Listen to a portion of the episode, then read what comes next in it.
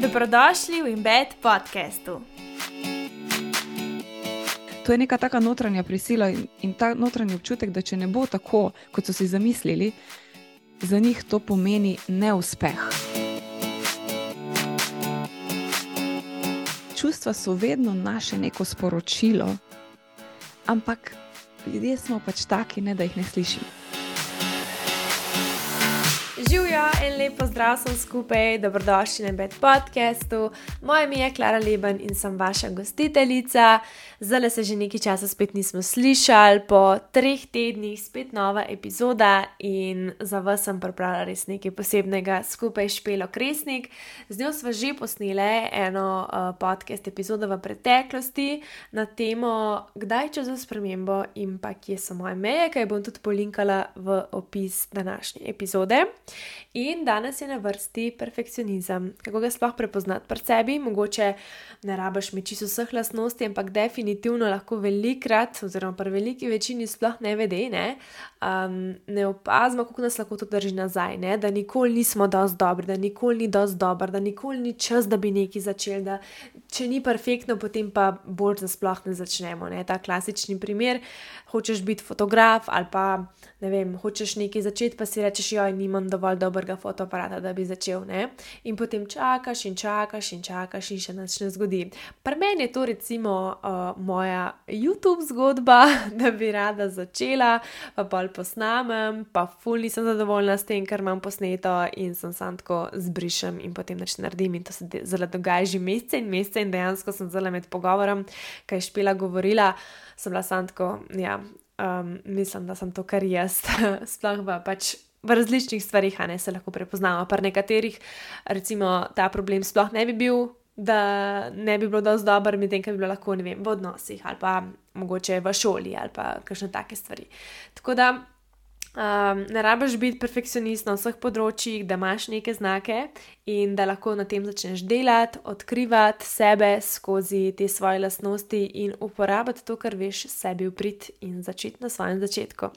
Danes, preden začnemo, imam za vas prav eno posebno poslastico, prihaja božič, prazniki. Jaz sem že čez v božičnem mudu, kupljena imam končno smerikco, pač letos smo z Mateožem prvič na svojem, bova imela pač svoj božič. Jaz sem že vsako leto bila vedno full uh, excited in navdušena nad božičnimi okraski in da je čas za praznovanje in tako. Um, in sem si res, res tega priča, sem se full veselila, imam končno vse okraske, mašence sem že delala in zdaj že razmišljam, kaj bom podarila za božič. In tokrat imam za vas eno idejo, ki je mečkam drugače, kot pa tiste, ne vem, božične nogavice, pa polavarje, ki jih ponavadi kupimo in pa jih ali noben ne nos, ali jih nosiš samo tistih par dni v letu, ker je pač so tisti božični ukraski gor, oziroma božični te, um, ne te, te vzorčki in tako. In tokrat bi vam rada predstavila eno kuharsko knjigo. Jaz mislim, da že vas velika večina pozna Stories by Lea. Leo jaz poznam še iz svojih dni slikanja in Bedit Klara, ki je prišla do mene in takrat se spomnim, da je imela eno tako veliko željo, da bi začela v bistvu ustvarjati s tortami, da bi rada pekla torte in da bi rada da za poroke to delala in tako naprej. Ne? In takrat je glih pustila svojo takratno službo in pač, kar je bilo lepo poslušati, in tako, ja, dej, nikoli nisem si mogla misliti, kaj vse bo stvarila. Sam tako želiš nekomu najboljš, pa da ne morata, pol pa si zdaj samo odprtih ust, lahko ostaneš, kaj je uspelo. Po mojem mnenju so to eni izmed najbolj estetskih in slastnih receptov, ki tudi vašo peko dvignejo na čist drug nivo. Pač jaz mislim, da to klepih sladic vaši gostje ne bojo nikoli pričakovali od vas. Pardon, upam, da koga ne podcenjujem, ampak mislim, da vel za veliko večino, kar velja, vsaj za me. Le je izdala že dve kuharski knjigi in sicer moderne torte in sladice ena in dve. In na obe vam podcast poslušalcem sem ponuja 10% popust za Skodo in Bed 10, ki jo najdete tudi v opisu današnje epizode, tudi linke do kuharskih knjig. Je to res eno full uporabno darilo, pa hkrati se mi zdi, da je tako še en izgovor ali spodbuda več za skupno druženje, ustvarjanje in. Tako nekaj, kar res rad odpreš, pa začneš ustvarjati. Tako da velja do konca decembra, in pa ob nakupu prejmete tudi brezplačno darilo. Jaz vas res lepo povabim, da si pogledate več v opisu epizode, zdaj pa predlagam, da gremo kar na poslušanje najnega pogovora špelo. Uživajte. Torej, danes se bo pogovarjala malo več o tematiki uh, perfekcionizma. Se mi zdi, da je tudi ena taka ful, mogoče že na nek način zlajna beseda, fulkat uporabljena, mogoče tudi na napačnih mestih, ob napačnih situacijah. Pa bi zaradi tega rada danes ta najmen pogovor izkoristila, predvsem zato, da mogoče nekdo, ki posluša, malo bolj razume te svoje karakteristike, pa kako nekako vplivajo na njegovo življenje, tako čisto splošno. Se pravi, rada bi se res dotaknila različnih situacij, v katerih lahko ta per perfekcionizem ven butne, mogoče tiste, ki nam služijo, tiste, ki nam malo manj služijo, odkje to sploh pride in zakaj to imamo, pa seveda, kako si lahko pomagamo. Tako da, da ne bom zdaj vsega naenkrat na spela, dobrodošla še enkrat na podkastu. Najprej, kako si? Hvala za povabilo. Uh, sem super, kljub temu, da danes ni sončka zunaj, ampak uh, to ne določa naše notranje razigranosti, ne največkrat. No. Uh, hvala, super sem pa ti. No, super, jaz tudi. Bila sem pol prehlajena za le v parih zadnjih dnevih, tako da imam še mečkan tak glas, ampak um, sem v redu. Tako da predlagam, da greva kar na prvo vprašanje. V bistvu bi rada začela s tem, da najprej poveš, kaj perfekcionizem sploh je, kje so tiste lastnosti, ki mogoče zaznamujejo to. Zdaj, v osnovi, perfekcionizem vedno mi doživljamo kot nekaj negativnega, oziroma v družbi je prepoznan kot negativen, oziroma bolj z negativno konotacijo, kakor s pozitivno. Ne? Treba pa se zavedati tega, da nobena stvar ni vedno samo negativna. In enako velja za perfekcionizem.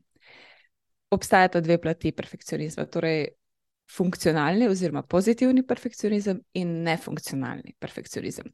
Tako da v bistvu tisti, ki občutijo pri sebi in ki zaznavajo pri sebi te vzgibe perfekcionistične, uh, ni to vedno nujno samo negativno. Ne? To jih lahko v resnici včasih zelo motivira, spodbudi, dela boljše od drugih, ki stvari mogoče naredijo tako na tri četrt, včasih rečemo. Ne? Drugače pa je perfekcionizem ena taka osebnostna lastnost, uh, kjer je v zadju neka težnja po popolnosti, težnja k temu, da imamo vse narejeno, točno tako, kot si zamislimo. Predvsem gre za naše pričakovanja, ki so pa običajno pri perfekcionistih nerealna, uh, ker so strašno visoke in jih največkrat ne zmoremo zadovoljiti. In kadar mi ne zadovolji, zadovoljimo lastnih pričakovanj, takrat se v nas pojavijo ta neprijetna čustva, jeza, samo obtoževanje, občutek krivde, pa tudi veliko krat je v zadju perfekcionizma odlašanje, oziroma obratno v zadju odlašanja ta perfekcionizem. Mm -hmm. Če pa ga mi prepoznamo pri sebi, um, na, recimo, da odlašamo zaradi tega, ker čakamo, da bodo stvari popolne. Primer, ki ga vedno dam. Recimo, nekdo si želi biti fotograf. In potem ima, zato ker je perfekcionist, idejo, da ne more začeti fotografirati, dokler ne kupi najboljšega fotoaparata. Ne? In to pogosto vemo, da to niso zelo poceni stvari. Ne? In potem tako dolgo odlaša, da pravzaprav non-stop na neki ravni to opravičuje, da se tega ne loti. Ne? In to potem postane neko opravičevanje. Um, potem, doskrat uh, je se perfekcionizem v nekih takih čisto vsakdanjih um, stvarih kaže kot neka tesnoba, uh, če ne, recimo, naredimo vseh stvari, ki jih imamo na tudi listi, ne, ker sploh perfekcionisti so zelo radi, bom kar tako se popravila, smo zelo radi organizirani. Zato si tako strastno za to tematiko. ja, ja, ker se je pač treba v take tematike uh, spuščati, takrat, kadar ne, nas uh, malo lovijo, da jih lažje obvladujemo, in potem je zelo pomembna tudi ta psihoedukacija. Um, ker te tudi liste so včasih lahko ena tako velika past. Ne? Sploh za tiste, ki so nagnjeni k temu, da želijo vse, kar imajo napisano, narediti, pa običajno so tudi pričakovanja podobno visoka. Ali pa v odnosih, da se veliko krat spremo s kom, običajno so to naši najbližji, zaradi tega, ker um, ni nekaj tako, kot smo si mi zamislili. Se pravi, perfekcionisti zelo težko sprejemajo neke kompromise in tu imajo velik izziv. Ali si mogoče opazila, ne sploh pri svojih klientih, ali pa tako pri svojem delu, mogoče so pri sebi, da je ta perfekcionizem tudi povezan mogoče s načinom OCD mišljenja, kako deluje naša glava. Ne? Če bi lahko uh -huh. mogoče to povezavo malo povezala, kaj sploh je OCD. Um, uh -huh. Mogoče ne samo to, kar si predstavljamo, da bi vse čas sami vse pospravljen, ker imamo to ta prva stvar v glavi. In kako pri nekomu prepoznati, da ga ima. Tudi če ima vse razmetan doma, recimo jaz sem pri sebi to uh -huh. prepoznala. Da sem nagnjena k načinu, ki ga pač nekako privabi oziroma ki ga pač zaznamuje ta OCD, ampak nisem pa tako, da mora imeti, kar se tiče mojega okolja, vse ti pitopi, mi je fajn, ni mi pa to uno, da me to matra. Mm -hmm. Ja, zdaj treba vedeti, ne, da te stvari lahko nekako na nekem takem kontinuumu pogledamo. Ne. Zato, ker zdaj za tisto neko uh, motnjo, kadar govorimo o motnji, mora to definitivno pač diagnosticirati usposobljen strokovnjak. Ja. In zdaj OCD oziroma obsesivno-kompulzivna motnja v slovenščini um, je veliko krat, uh, ljudje poznajo po tistih, uh, običajno vem, da so bile to na televiziji, tiste ameriške oddaje, ne, ko so imeli uh, tiste res hude oblike moten, ne vem. Uh, Prevečkratno um, umivanje rok, ne, ali pa uh, pospravljanje, tako kot se že umela. Um, Skratka, ali pa monk, recimo, mislim, da je monk tako idealen, idealna prispodoba. Ja, ja. Um, v resnici pa, če nimamo motnje, lahko imamo samo neko težnjo k temu. Ne? To je lahko neka osebnostna poteza in način razmišljanja, ki nas sili v večkratno preverjanje. Um, v zadju je lahko celo nek strah, nek občutek nadzora, ki ga mi potrebujemo. Ne? Da imamo vse pod nadzorom, pod kontrolo. Uh, in recimo tudi to se lahko ujamemo v to past, recimo to pa uh, sem čist sama pri sebi opazila, uh, zaklepanje. Ne? Zaklepanje stanovanja, zaklepanje avta, in potem večkrat pomisliš, da sem zaklenil ali nisem zaklenil. In pol greš, pa si ti še zgumb. Ja, ali, ali pa greš. Ali pa likalnik, pa take zadeve. Sklopla pa veš, da si ja. izklopljen, recimo, ne si ja. izklopljen in kar razmišljaš recimo še o tem. Ampak recimo tako. te stvari ne so tako dost ok kot primer. Um, bi pa jaz rada mogoče še ponazorila v naših odnosih. To se mi zdi, da um, ful nismo mogoče tako pozorni na te stvari, ok, nekaj tole sem pozabila, neke take cikle. Medtem, ko se lahko ta način razmišljanja uh, razvije tudi v odnosu. Kot si rekla, verjetno ponavadi z osebo, ki ti je najbližja, mogoče s svojim partnerjem, partnerko. In kako uh mhm. -huh. ta perfekcionizem, pa ta način razmišljanja, da vse čas, no, samo da je perfektno, se pojavlja v odnosu. Kako to zgleda? Zdaj, čist iz praktičnega vidika, recimo, kar jaz opažam pri svojih uh, klientih. Uh, veliko krat imajo perfekcionisti to težnjo, kot sem že prej omenila, ne, da je nekaj tako, kot si oni zamislijo. Recimo en klasičen primer. Um, pospravljamo kuhinjo, oziroma uh, urejamo police v kuhinji, in si pač eden od partnerjev, ki je perfekcionist, zamisli, da mora biti točno v določenem vrstnem redu, točno po, po nekih ne, njegovih standardih. Običajno pa perfekcionisti dobimo take partnerje, ki vsaj na istih področjih niso perfekcionisti, kakor mi. Nalašč. Nalašč. Življenje. Življenje nam to ponudi. Zdaj, moramo tudi to vedeti, tega mogoče prej nisem omenila. Ne? Ko govorimo o tem, da je nekdo perfekcionist, ni nujno zdaj perfekcionist na večjih področjih. Ne? Zato, ker lahko je perfekcionist nekdo, ki ima totalen kaos na mizi v pisarni, uh, pa je mogoče v drugem področju, ne vem, v področju svojega urnika, pa totalno organiziran. Ne? Ali pa ne vem, eh, da ima v pisarni vse ti pitope, doma pa kaos. Tako da to zdaj ni tako zelo vse splošno.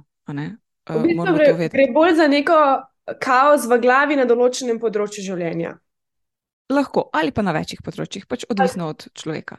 No, in če se vrnem zdaj nazaj, ne, in tu ko ima nekdo neko idejo, kako bi moralo nekaj izgledati, ne? to se pri urejanju hiše veliko krat zgodi, in drugi nima. In perfekcionisti, če se ne zavedajo teh svojih teženj in če niso pripravljeni sprejemati kompromisov, pa to ne zato, ker oni tega ne bi želeli, ampak ker tega ne zmorejo, to moramo vedeti. To je neka taka notranja prisila in, in ta notranji občutek, da če ne bo tako, kot so si zamislili, za njih to pomeni neuspeh. Za njih to pomeni, da pač, se pravi, pričakovanja niso uresničena in to boli največkrat in so jezni, in potem od tod pride konflikt. Če pa gremo direktno na neke partnerske odnose, so pa lahko tudi znotraj tega neka pričakovanja. Ne? Kaj nekdo mora. Recimo, ne vem, partner mi mora prinesti rože, zato ker pač ne, je to moje neko perfekcionistično uh, pričakovanje v zvezi, ne, da, da si da zidamo neke gradove v oblakih, kar se tiče zveze, kako bi morala naša zveza izgledati. Mhm. V resnici pa, če tu stopimo en korak nazaj, imamo vedno v zvezah, jaz vedno to rada poudarjam tako zelo čudovito priložnost za rast in za samo spoznavanje, in celo tudi za mehčanje vseh teh naših teženj, pa so lahko perfekcionistične ali pa kakršne koli druge že. Predvsem v partnerskem odnosu imamo odlično priložnost, da vse to prepoznavamo, in potem ne, to je prvi korak za umiritev teh in ublažitev teh teženj. A bi rekla, da lahko recimo te težnje postanejo mogoče še bolj močne, sploh v zvezah, ki so dobre oziroma zdrave, zdrav odnos, ker imaš mogoče prvič v življenju, jaz sem to videla pri eni punci, tako zelo jasno, oziroma ženski, no, to sem zdaj tako rekla. Uh, da kot na nek način, da je imela prvič v življenju sploh nek prostor, tako čustven, neko varno okolje, da je lahko to sploh vam butnil, da je lahko prepoznala to, da so v bistvu te kot neki.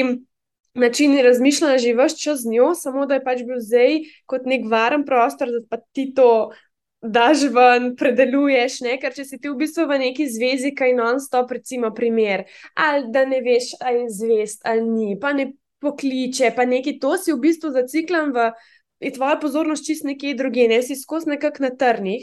Medtem, če pač imaš ti verjetno neko varno okolje, ki ti ga pač tudi partner za zdravo zvezo nudi, mm -hmm. seveda, in ti njemu nazaj, ne, uh, se pa se mi zdi, lahko to ful bolj jasno pride ven. Za vse je tako, ne? To si zdaj zelo dobro opisala. Dejstvo je, da mi z to, da preden sploh se začnemo lahko ukvarjati sami s sabo, mi potrebujemo tiste osnovne potrebe zadovoljene. Zdaj, če primerjamo nekoga, ki je ta trenutek, uh, recimo, sredi vojne v Ukrajini, on seveda pač niti ni to prioriteta, definitivno. Če pogledamo tisto maslovo hierarhijo potreb, ne, yeah. Ja. morajo biti te osnovne potrebe vedno najprej zadovoljene, da lahko potem mi sploh razmišljamo o tem. To je predpogoj, seveda. Uh, je pa še ena stvar, ki sem jo mogoče pozabila omeniti najprej, ko sem na začetku razlagala o perfekcionizmu. Um, zdaj, različni avtori ga sicer različno, seveda, teoretično so različno ozadje, ampak um, obstaja prav lahko je na sebe usmerjen perfekcionizem in potem hkrati tudi na druge usmerjen perfekcionizem, ne zato, ker definitivno, da vemo, ne, to, uh, kar je že tudi mogoče malo zlajnano, uh, kako se vedemo do sebe, kako komuniciramo s sabo, komuniciramo tudi z drugimi. Uh, lahko pa je tudi um, občutek, da od zunaj nas drugi opazujejo. Ne. To je pa lahko še tista tretja. Možnost. Tako da, običajno, tudi če smo mi uh, perfekcionisti, uh, Uh, veliko krat lahko prihaja do konfliktov zaradi tega, ker pričakujemo od drugih, da mm. bodo tudi perfekcionisti, da bodo odlični v vsaki stvari. Ker pač, veš, perfekcionist, perfekcionist zdaj, česar koli se bo lotil, bo hotel biti najboljši. Ali pa vsaj tak, da, bo to, da se bo komfortno počutil v tem. Po svojih pričakovanjih spet, ne? Tako. Bi rekla, da ta pričakovanja velikokrat pridejo tudi na podlagi trenutnega časa družbe, v katerem smo. Ne? Recimo danes, če me vprašaš in za uspeh v karieri, in za družinsko življenje, in za partnersko zvezo, so pač uno. Taka meja, v smislu, s čim biti mhm. zadovoljen, da pa v bistvu lahko vse čas, sploh če si nagnjen k temu, preverjaš, kje si ti in zakaj ni tako, kot si, si ti zamislil, in pa si v bistvu razočaran vse čas, verjetno v nekih tako teh neprijetnih občutkih. Ne? In to, kar si ti recimo prerekla, primer za pospravljanje ali pa nekaj, da ni tako, kot si, si ti zamislil. Jaz to prepoznam recimo tudi v moji zgodbi iz preteklosti, glede moje prehranske. Uh, motnje. Se pravi, da, da si vse čas zaciklen v neki, ne? se pravi, ali, ali je bilo to tako, zakaj ni bilo to perfektno, zakaj si pojedla več, kot si si zadala, ne? in pol isto glede treninga in vsega. Tako da mhm. velikrat tega perfekcionizma, recimo jaz, takrat nisem prepoznala in šele zdaj, leta in leta kasneje, ko pač tudi jaz um, odkrivam te tematike, ki misliš, da je recimo OCD, ko kar nam je res uno znan, čist pa to, kar si reka, ne eno diagnosticirano, ampak samo čisto kot neke karakteristike, karakteristike še le začneš pol opaziti, te vzorce mogoče nekje drugje. Ne? In mm -hmm. to bi rada še povedala, si iskreno. Jaz sem v bistvu zdaj bila v zadnjem letu, ne, se pravi, torej 2022 leto je meni ogromno dalo, dalo, ne samo kar se tiče sprememb, ampak tudi kar se tiče tako nekako osebne rasti in ta osebna rast ni nikoli prijetna. Ne? In glih to je to, se mi zdi, da se velikokrat znajdemo na ta način. Imáš vse, kar si si kadarkoli želel, moja tesnoba takrat je bila pa na vrhuncu. Mm. In si pa misliš, kaj je fora. Ne? In recimo mm. danes vidim to tesnobo spet čist drugače. Spet Na, z neke druge zgodbe, nekega zornega kota, in vidiš, kako je to kaj se mogoče zunaj dogaja, pa kako je vse perfektno, sploh niti ne, ne, ne šteje to, kaj se dogaja v tebi in kako znaš ti samega sebe potolažiti, sprijetne. In kot mm -hmm. sem jaz imela takrat, glede prehranske motnje, neke občutke, ki so bili neuzdržni, se pravi, potreba potem, da se prenaješ, potreba potem, da se umakneš, je, kot jaz razumem, na nek način perfekcionizem, tudi to, in tudi, mhm. recimo, ko ti pač preprosto si tako jezen in frustriran, ko nekaj ni na svojem mestu. Ne? In pol nastanejo konflikti v partnerstvu, konflikt samim sabo, in tako na prvem mestu. Ne? In so v bistvu, če pogledamo nekako splošnem, to občutki, ki so nam skoraj da ne neuzdržni in zaradi tega reagiramo, kot reagiramo. Ampak. Mm -hmm. Zdaj, ta ampak, če mora bi se jaz sploh rada danes posvetila, to ne rabi biti samo, evo, to je moja zgodba in tako je. In zdaj se bom z vsemi do konca življenja krigal in zdaj bom vse čas do konca življenja ne vem, gledal na to, kaj jem in to je moja zgodba, ne? ampak da lahko ogromno narediš ti sam. In zdaj mene na tej točki zanima, kaj pa lahko nekdo, ki prepozna neke te svoje perfekcionistične vzgibe, recimo temu, a ne v svojem življenju, naredi, da lahko pač to izboljša in posledično tudi kvaliteto svojega življenja. Okay. Preden da ti odgovorim na to vprašanje, uh, sem fulj vesela, da si tudi izpostavila to v povezavi s temi motnjami hranjenja. Namreč ogromno raziskav potrjuje, da je v zadnjem motenju hranjenja ravno ta perfekcionizem. Ne? In tudi obsesivno-kompulzivna motnja, oziroma ti vzgibi, se glede na rezultate raziskav povezujejo s tem nefunkcionalnim perfekcionizmom. Ne? In se mi zdi to zelo pomembno da si izpostavlja. Kaj pa zdaj lahko vsak posameznik naredi? V bistvu ogromno. Ne? Najprej bom rekla tako, da je zelo pomembno, mm, da to prepoznamo. In ko si govorila vmes zdaj o čustvih, ne, sem tako razmišljala, v resnici, če bi ljudje znali, če bi seveda bili tega vešči, če bi to imeli že v osnovnih šolah, recimo to znanje, da bi ga tam pridobili z področja čustvene inteligence, predvsem ne, kako izražati čustva na nek tak način, da so nam lahko podpor, bi bilo to bistveno lažje. Ker ti čustva so vedno, nikoli, zato v psihologiji v bistvu ne govorimo o negativnih čustvih, ampak rečemo samo, da so neprijetna. Ne? Ker tudi jeza na nek način ni vedno samo. Eh, pa agresivnost, to ni negativno, ne? to nam daje tudi moč na drugi strani, da se mi nečesa lotimo. In čustva so vedno naše neko sporočilo, ampak ljudje smo pač taki, ne, da jih ne slišimo. In ko si omenjala te družbene ideale, mediji zelo močno vplivajo na oblikovanje perfekcionizma. Ne? In če ne sledimo sebi, tako kot si rekla, če se ne poglobimo vase, pa to ne pomeni. Um, včasih se mi zdi, da ljudje mislijo, da ko govorimo, da se je treba slišati, pa da je treba poslušati svoje občutke, da je treba karkoli z njimi početi. Največkrat je dovolj, da jih samo opazimo in da jim dovolimo, da so z nami. Nič ni treba narediti z njimi. Ne?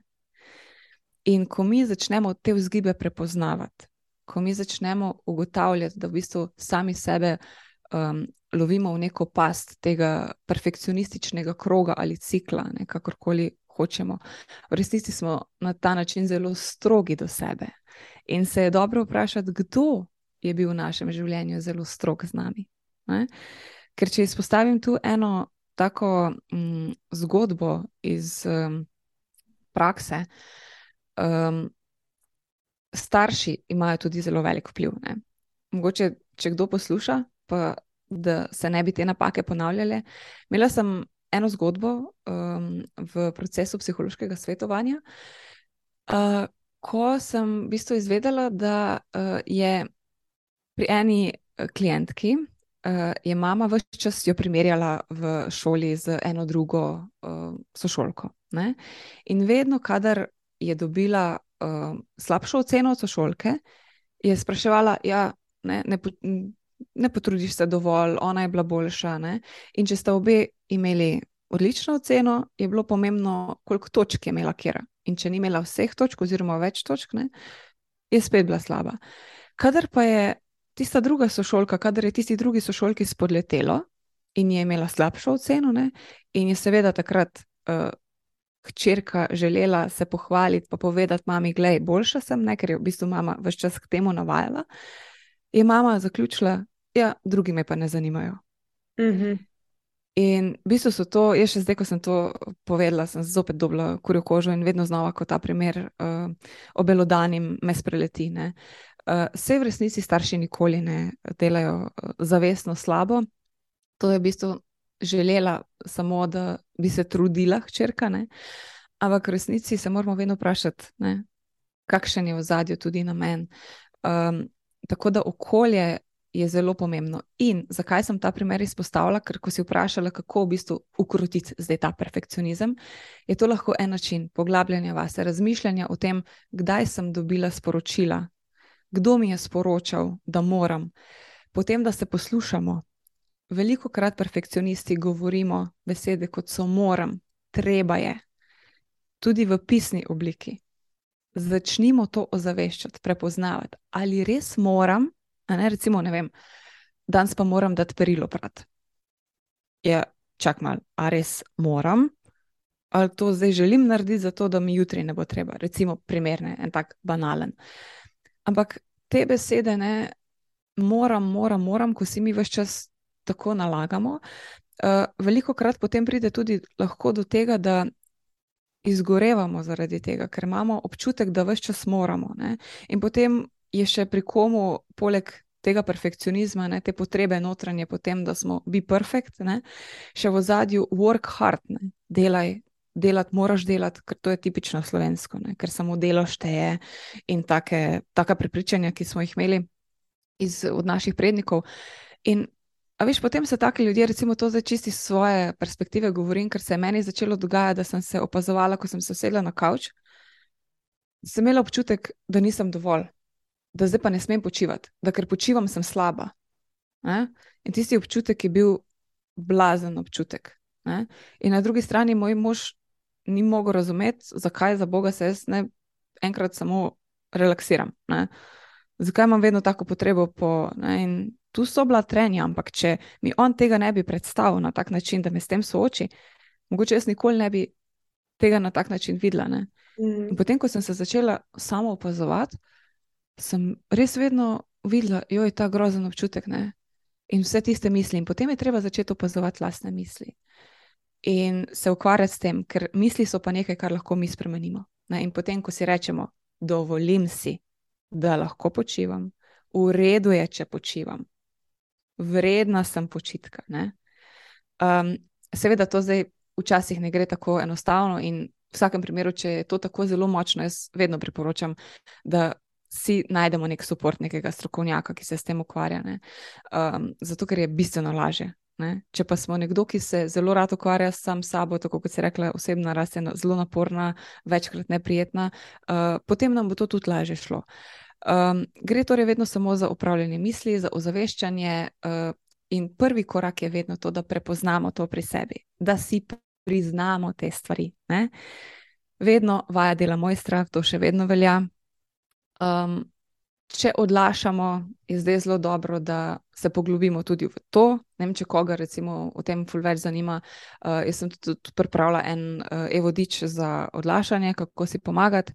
Um, tako da lahko brskate. Ja, v bistvu epizode Pulavari boš poslala.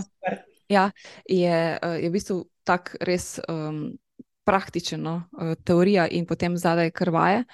Um, meditacija je tudi zelo, zelo dobra, ne? zato ker gre za usmerjanje misli. Uh, predvsem zdaj, v zadnjih časih, so ugotovili v raziskavah, če želimo ta fokus držati, ne pa te. Um, Te stvari, da dobro vladamo, je najboljša tista meditacija, kjer se osredotočimo in fokusiramo torej samo na dih. Um, zato, ker, ne, da, ker nam to največkrat tam misli pobegnejo in da vedno potem gremo nazaj Ne, ker meditacijo tu bi sicer lahko bila posebna epizoda, ampak meditacijo si marsikdaj fulno robe predstavljamo in zato nam je večkrat tako odvratna. Ne, tudi, mogoče evo, ne čakaj izkušnje. Ja, mogoče. Veš, kavice, jaz sem tukaj le še omenila prej, že nekaj časa nazaj, ker sem omenila glede teh um, občutkov, ne, da nam nekaj sporočajo. Uh -huh. um, kar sem jaz pri sebi opazila, Pa tudi nasploh, tudi, um, ne vem, s puncami, pa če se sicer glede prehrane, pa vsega tega fulukvarjam in seveda pol čustvenega sveta, ki pride zraven v tej prehranski zgodbi. Uh mhm. -huh. In pa imamo zraven tudi kakšno tesnobo. In če si ti v tesnobi, če imaš ne, nagnjenost k temu, takrat v bistvu ta tesnoba prevzame vse. Ne? Ti takrat si odtojen od sveta okoli sebe, ne odtojen od svojega partnerja, od želje po delu, je ni, ne v bistvu prijateljstvo po nekem druženju, takrat odvisno, ne, kam ta tesnoba udari, ponavadi prevzame cel tvoj svet. In takrat, če so iz tesnobe, seveda, ponavadi občutki bolj enega strahu, pa neke ogroženosti, če tako pogledaš, ne. Zelo težko poslušaš svoje občutke. Ne? Ti v bistvu na nek način, primer prej, ki si dala ti, vem, da ti bi se, se ti težko usesti na kavč, tebi moš rekel, joj, pa se ne moreš več sprostiti, ne, kaj s tabo narobe, recimo, ne, in ti bi pa lahko v svoji glavi začel razmišljati, pa pa mi, da sploh nismo za skupaj, ker sem jezna na njega, to v zvezah sploh ne bi smel biti, ker imamo spet eno podobo mhm. perfektne zveze, tega itak ne vidimo, ne, pol pa če se ti z mano tako pogovarjaš in mi izpostavljaš moje slabe, narekovaj, slabe lastnosti, ne, pol pa ti nisi več za me, najbolj, da greva kar narazen, če pogledamo tako čist, zdaj ful posplošujemo mm skupaj, ampak na ta način. Mm -hmm. In zdaj, to se mi zdi tudi ful težko, kako prepoznati ne, v tem samo. Kaj te tvoje občutki sploh govorijo, in mogoče tudi prepoznati, kdaj te te tvoje misli lažejo. Kdaj, kdaj pa mogoče ni najbolj poslušati teh svojih misli, ki te pač peljejo pa v ta perfekcionizem, overthinking in take zadeve. Mhm, ja, to je zdaj definitivno zelo, zelo težko vprašanje. Ja, uh, individualno, ampak tako ja, ja. se lotiti. Ja, si pa zelo dobro izpostavila ta primer. To bi lahko bil eden izmed tipičnih primerov. Ne? In veliko krat je to tudi uh, uh, tisto uh, srce spora, ne? ki se začne v partnerskih odnosih, takoj, ker kadar nam partner postavijo gledalo, vedno boli.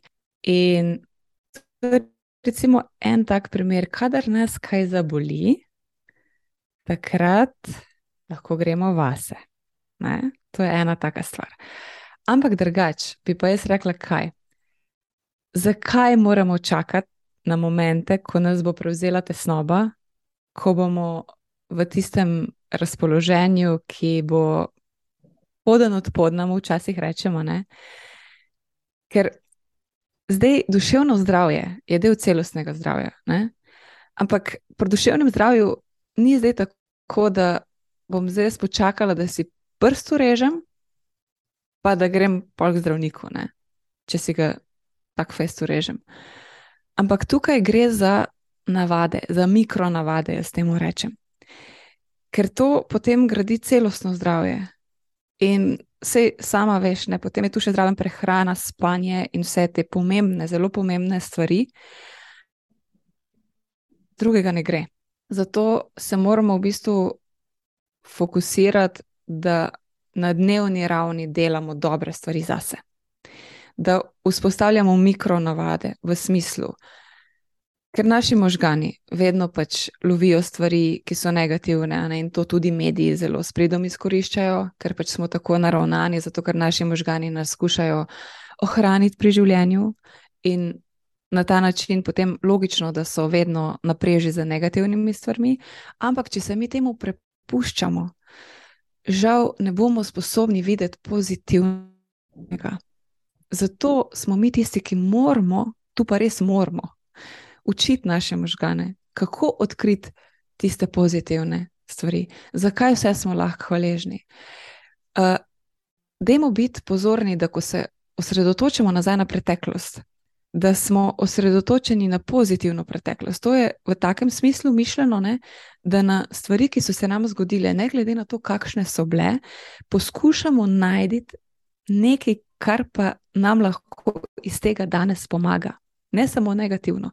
Ker v bistvu raziskave so pokazale, da mi se na preteklost odzivamo tako, kot se v danem trenutku počutimo. Se pravi, če se jaz počutim danes ok, bom zadovoljna s svojo preteklostjo. Če bom danes full v nekem depresivnem razpoloženju, pa me kdo vpraša, kako sem zadovoljna, bom ziha rekla, lej, ne vem, ni, ni, ni bilo v redu. Ne? Zato, ker mi bojo tudi na plano prišle bolj tiste stvari. In mogoče je tudi taka, uh, en tak predlog, ne, kaj lahko naredimo, da si vsak dan napišemo tri stvari, ki so nam šle dobro. Ne? In potem to hranimo, ali pa da si napišemo seznam svojih uspehov. To zdaj že meji sicer na to samo podobo, ampak to je vse tisto, kar na, nas lahko v danih trenutkih, kadar smo depresivno razpoloženi ali pa slabe volje, ali pa kadar morda ne zaupamo vase, ne? ker pri perfekcionistih moramo vedeti, tudi recimo, če se še na to navežem, samo podoba ni najboljša. Um, ker perfekcionisti pravzaprav hrepenijo tudi potem, da jih drugi odobravajo, ne? zato se tako zelo trudijo, ker jih to na nek način polni od zunaj in posledično potem lahko tudi izgorijo, če se ne ustavijo in pogledajo, aha, kaj pa je tisto, kar, kar je v meni, kar je mojega, ne? kaj je tisto, kako lahko jaz sama do sebe razvijem dobro samo podobo. Pozitivno samo spoštovanje, ne, da sem potem tudi lahko samo učinkovita. Uh, vse te malenkosti, ki jih počnemo vsak dan, ne vem, tri minute, pet minut meditacije ali pa samo dihanja, da recimo, ne bo zdaj tako se slišalo, ne, da samo meditacija je ok. Ne, samo dihanje, da smo v stiku s samim sabo. To so take mikronavade, ki so trening. Tako kot recimo nekdo, če želi imeti lepo telo, oblikovano telo. Ja, lej, nimaš druge, kot da ne. Vsak dan, ali pa vsaj večkrat na teden, malo potelovadiš, pa še kaj drugega zraven, zdaj tako paušalno govorim. Ampak Naši možgani so mišica in jo lahko treniramo. In bolj, ko bomo mi trenirali, to mi potem vsak klient reče. Ne? Ko ve, večkrat dam to nalogo, jaz imam veliko krat tak sistem, da jih kar zadužim, pa morajo kar dosta razmišljati o, o sebi, pa kakšne domače naloge, pa ne rekovaj delati. In veliko krat jim dam ravno to nalogo, zapisujte hvaležnost. In vedno, ko se vračajo ne, nazaj, potem rečejo, ja, da pa neverjetno, neverjetno, ne kako se zdaj počutim bolje. Ampak še ena stvar, tudi če mi imamo te mikronavade in če pol pride enkrat na vihta, je definitivno boljš, da smo mi te mikronavade imeli, ker smo bolj pripravljeni na nevihto. Ne? Treba se zavedati, da življenje, ja, življenje ni pravično. Življenje nam bo prineslo ogromno neviht, ogromno padcev, ogromno bolečin. Ampak kako se bomo z njimi soočili, je od nas odvisno že danes. In ne čakajmo na to, da nas povozijo, začnimo danes. Ker to so tako male stvari, tako malenkosti na dnevni ravni, nam to ne vzame več kot 10 minut na dan. Mm. Ampak, seveda, če si to dovolimo, vzeti čas zase. To je pa spet tisto drugo vprašanje, ki nas pripelje do vprašanja, kdo pa je najpomembnejša oseba v tvojem življenju. Ne? In če nisi ti sam, seveda ne egoistično mišljeno, ja, potem si bomo težko vzeli čas zase. Pa tudi to, kar si rekel, ne zatirane vihte. Ponavadi, takrat, ko je ko začnemo šele, kaj je ful težko, reagiramo spet iz panike, iz strahu, mhm. -huh. takoj pripraviti, takoj se znebiti teh občutkov, pa ne bo to, ali ne vem, da se primer skregaš s partnerjem in si pol cela razrita in takoj moraš rešiti vse in takoj se pogovoriti in takoj, takoj, takoj, da se ti, se pravi, ko bo nekdo drug rekel, vse je v redu, boš ti v redu, ne, na ta način. Ali pa uh -huh. rečemo, hrano, ti neozdržni občutki, jesti, jesti, jesti, jesti, jesti da to mine, sicer pa pride tako krivda in sekiranje, in pa se samo sebe dol tlačeš in se v bistvu z neko sovražno motivacijo motiviraš. Ne? In isto je verjetno z alkoholom, isto je zgodba, da greš takoj, kaj je dolg čas, kaj neki na telefon, hiter gledati, mm -hmm. hiter, hiter neki, da se zamotaš, ali pa pač v vseh ostalih primerih, ali pospravljati obsesivno, ne, da mora biti vse tipi topi, ker se ne znamo. Jaz ulopažam, da se ne znamo, nimamo teh, kako rečem, skoraj da ne te veščine, predelati, občutiti te občutke, da imamo danes toliko enih možnosti se temu umakniti, da Mhm. seveda reagiramo avtomatsko tako. Ja, bojimo se, veš, bojimo se tega, ker je to za nas strašno. Mm. Ne. In tudi zaradi tega so te odločitve, se mi zdi, pol iz te panike in strahu veliko, mogoče zdaj uporabim besedo slabše, malo neprimerno, ampak ja, um, vplivajo mogoče ne tako zelo dobro na te, na dolgi rok sploh, ne, ker ponavadi jih polka smo ok, upustimo takoj, ne, in pol smo spet in pol smo vse čas v teh vrtincih. In kar Mhm. sem jaz sama pri sebi opazila skozi leta, ne, sej jaz sem že vse čas neki trenirala, sicer takrat čisi iz napačnih razlogov, spet enega strahu, panike, da se ne bi zredila in tako naprej, ne, ampak je bilo pa še vse tako, takrat, ko sem trenirala, sem se počutila boljše in pa sem spet nehala in pa sem se spet počutila slabo in pa sem spet vse čas mogla začenjati od začetka. Namesto da bi tako kot zdaj, ne, ko vidim tudi samo sebe skozi zadnje leta, odkar treniram redno, dejansko. Ne vem, da je kakšno obdobje vsak dan, sem tu ni enourni trening, da se čez ne zgonaš, ampak to je lahko 5, 10, 15 minut na dan, ali pa ne vem, kakšno obdobje štirikrat na, na teden, tudi več kot dovolj. Ne. Ampak jaz to za svoje mentalno zdravje rabim. Jaz vem, da me ne bo motivacija tukaj držala, ker je ni večino časa. Ne. Mhm. Motivacijo imamo ponavadi takrat, ko mi nekaj začenjamo in mislimo, da bomo dosegli ne vem kaj, in pol spet to neko pričakovanje se ne ujamejo z vsem tem, in kaj pol pustimo. Ne? In glik zaradi Mhm. tega, kar si ti rekla, se meni zdi tako pomembno imeti nekoga zraven na tej poti, a je to želja po tem, da izboljšaš svoj perfekcionizem, a je to želja po tem, da izboljšaš svoje navade, kar se tiče vadbe, neko skupnost, v glavnem, ki je s tabo v tem in te vodi naprej. In Mhm. hvala Bogu, se danes vedno več o tem govori, je vedno več nekih možnosti, in se mi zdi, da jih je zdaj že toliko, da je ful pomembno tudi prepoznati, kaj je tisto, kar so neke prazne obljube, namig, to so Mhm. neki quick, quick fixi, enomesečni izziv, da boš imela raven trebušček, dobro riti, Mhm. suhe noge in ne vem kaj še vse, in Mhm. hkrati, da bo ne vem v. Kaj jaz vem, pač, da bo kar naenkrat vse drugačne. To so tiste, ki Mhm. lažejo, če si iskreno. In jaz mislim, da bližnjice, da dobrega počutja ni. Definitivno se moram strinjati s tabo, pa nisem, uh, mislim, mene zelo žalosti to, no, da, da, da moramo vse čas na te stvari opozarjati.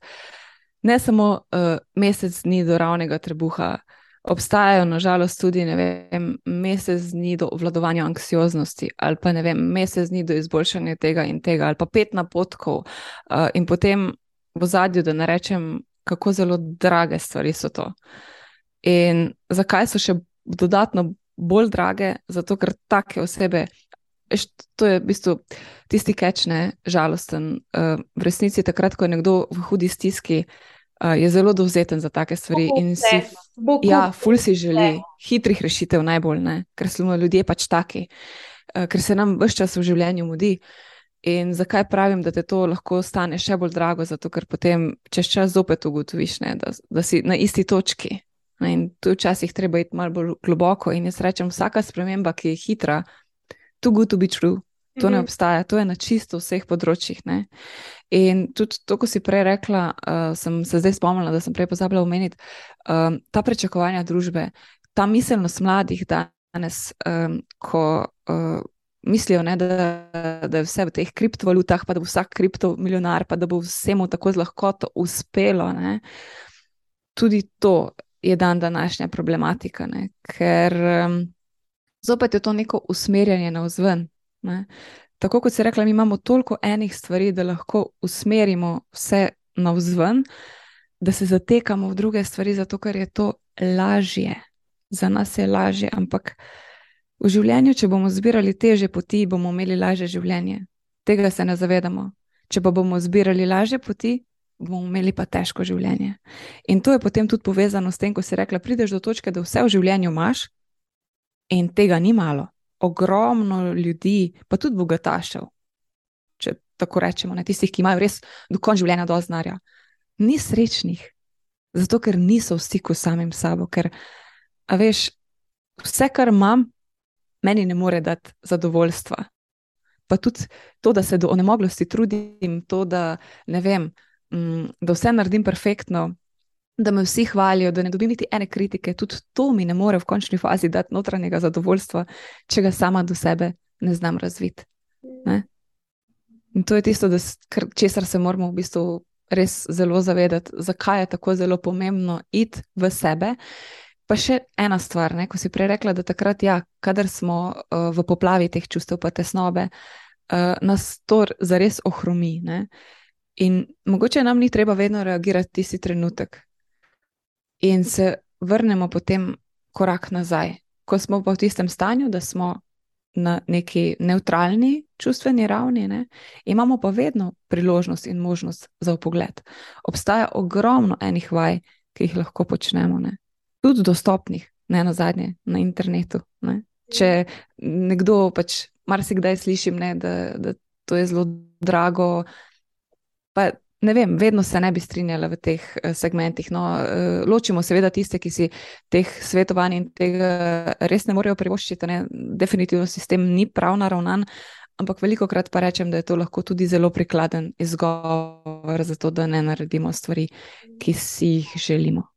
Ampak spet po drugi strani pa je tukaj rada podarila dve stvari. Ta prva stvar, kar se tiče denarja. Lej, vsak lahko živi v tem mindsetu, jaz si tega ne morem kupiti, pač to mm -hmm. ni za me, to je preveč denarja.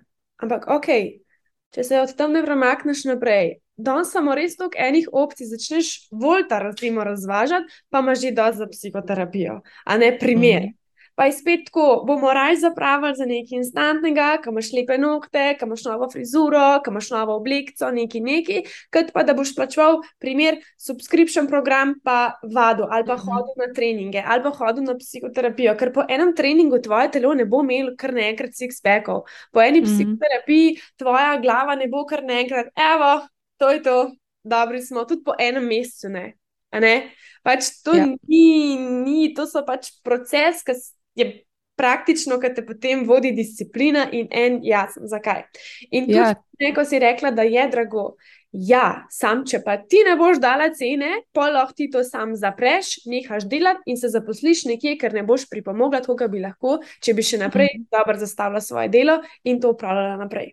Mm -hmm. Druga stvar, pa je glede teh quick programov in vsega tega, ne, bi rada sama en disclaimer dala. Jaz imam dejansko 14-dnevni program svobode prehranevanja. Ampak tudi jasno povem, vsem, ki se seveda to pozanimajo, da pogledajo ne, video in tako naprej.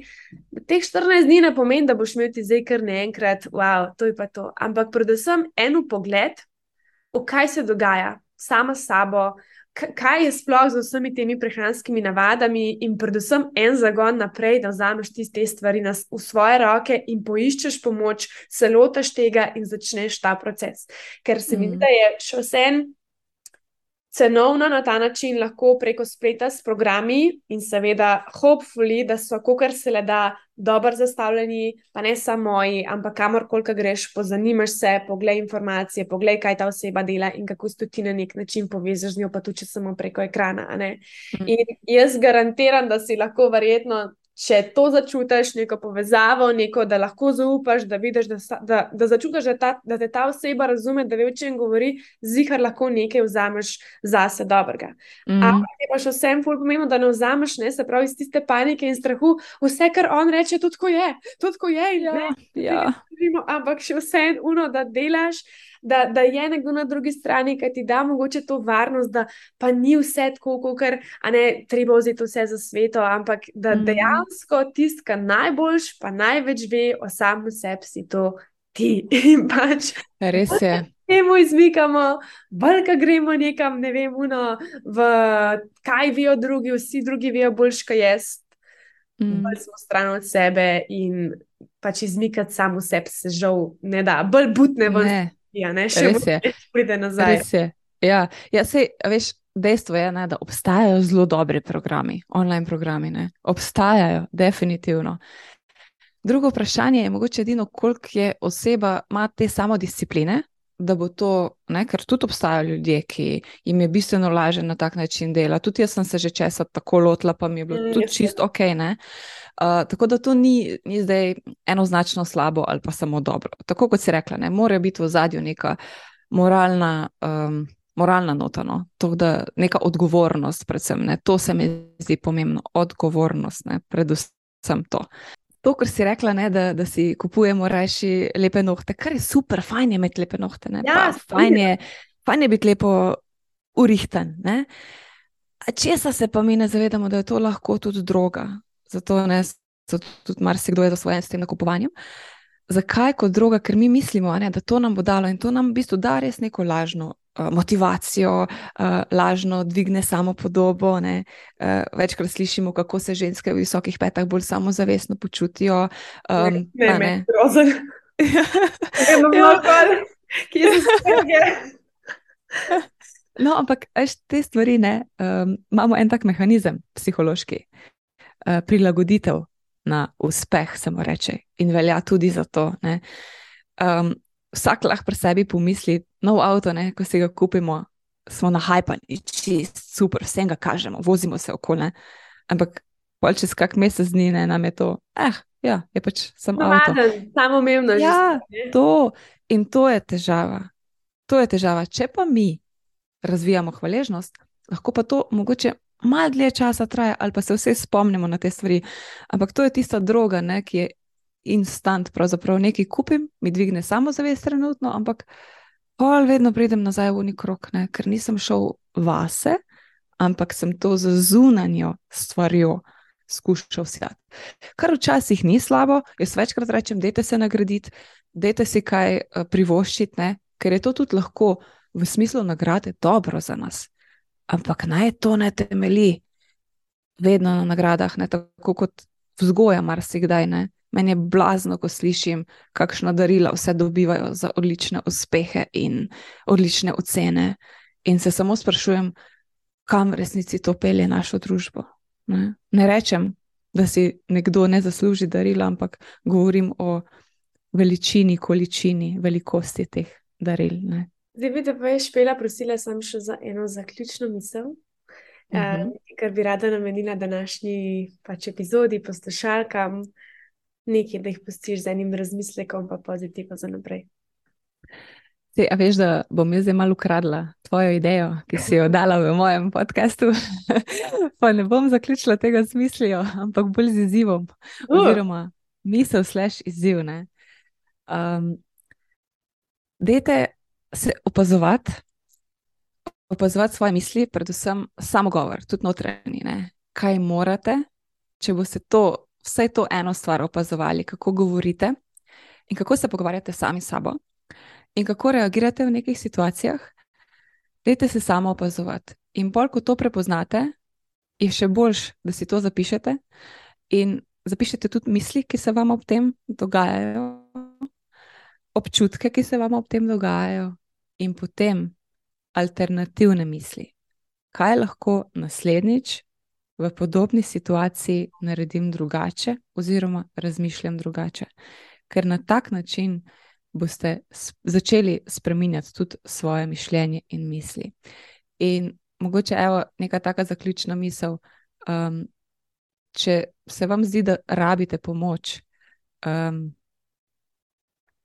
imate dosti poguma, Ne? In to pomeni, da je zelo pogumno dejanje, da jo tudi poiščete, uh, ker v svojem bistvu ima vsak človek en tak čudovit potencial in vse odgovore, zares čisto vse odgovore, nosimo v sebi. In odgovorov ne bomo našli v drugih, pač pa v sebi. Jaz bi tukaj sam še dodala, da uh, jaz sem postila tvoje podatke, špela spodaj. Tukaj bi rada še podarila na tem mestu, da ne gre za kakršno koli promocijo. Jaz sem špelo povabila, ona nič ne ve, da bom dajala skrkoli od nje informacije spodaj, tako da ni to kakorkoli naštiman in tudi jaz nimam nič od tega. Se mi zdi pa, da je ful pomembno, sploh na ta način, mogoče preko pogovora, če začutiš neko povezavo, um, neko energijo iz druge strani in želiš neke pomoči, se mi zdi, da je to tako res, kaj težko najdete enega, ki ti ustreza. No? Tako da, če mm. začnete špela, imate spodaj podatke in upam, da se povežete in naredite nekaj lepega iz tega. Hvala vsem, ki ste poslušali do konca. Še enkrat vas spomnim na božično darilo, naj bo letos res posebno s kuharsko knjigo Stories by Lea, moderne torte in sladice 1 in 2. Dobite popust, lahko pogledate si v opisu današnje epizode. Jaz vas vse lepo povabim, da se mi pridružite tudi na Instagramu, špeli in leji, v glavnem vsem, kar je bilo danes tukaj omenjeno. Se mi zdi, da je tako fajn, ker se podpiramo med sabo in ste vedno dobrodošli s kakšnim feedbackom, da boste tudi kakšen komentar, review, uh, oceno tukaj na podkastu, na kjerkoli platformi, kjer poslušaš, je vedno zelo dobrodošla in na ta način lahko najbolj podpreš in bed podcast. Hvala ti še enkrat in se spet k malu slišmo. Ciao!